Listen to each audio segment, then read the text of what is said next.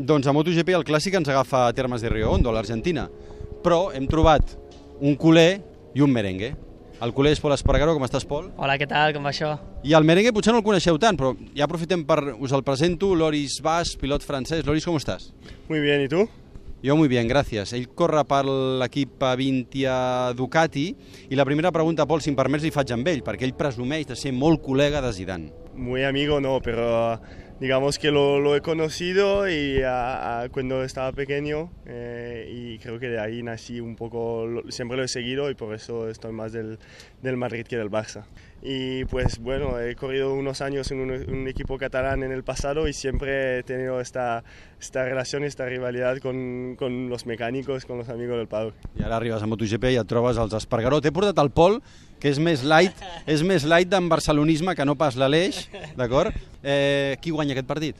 Home, a veure, jo com a culet diré que guanya el Barça, però, però ja mirant una mica més en perspectiva, no? des de darrere és ara mateix lògic, en el futbol ja no és molt lògic, però, però sí que seria pel joc que està jugant el Barça, com, com, com resol els partits i l'energia que tenen el, el Trident, doncs és, és difícil que un equip et guanyi en l'estat que estarà el Barça, però, però bé, és el Madrid, i el Madrid quan ve carregat d'energia amb moltes ganes, doncs vés a saber però, però bé, jo crec que això ho hem de resoldre amb dos o tres golets. La verdad es que el Barça juega mucho mejor que el Madrid este año, pero en uno par un partido así se puede cambiar muchas cosas. Lo seguro es que va, va a tener gol, como siempre, y uh, me gustaría un, no sé, 3-2, 3-1 para el Madrid. Venga, a ver, ¿qué jugador tú crees que va a ser el más decisivo del, del, del partido para, para, el Madrid? Para el creo que será en la defensa, yo creo, ¿eh? Sí. Depende de quién juega, no sé. No, yo diría el, el Bale, el Gareth Bale. ¿Tú? Bueno, yo difícil. Yo creo que en estos partidos que necesitamos, ahora con que no tenemos a Mathieu, eso puede ser un, un toque.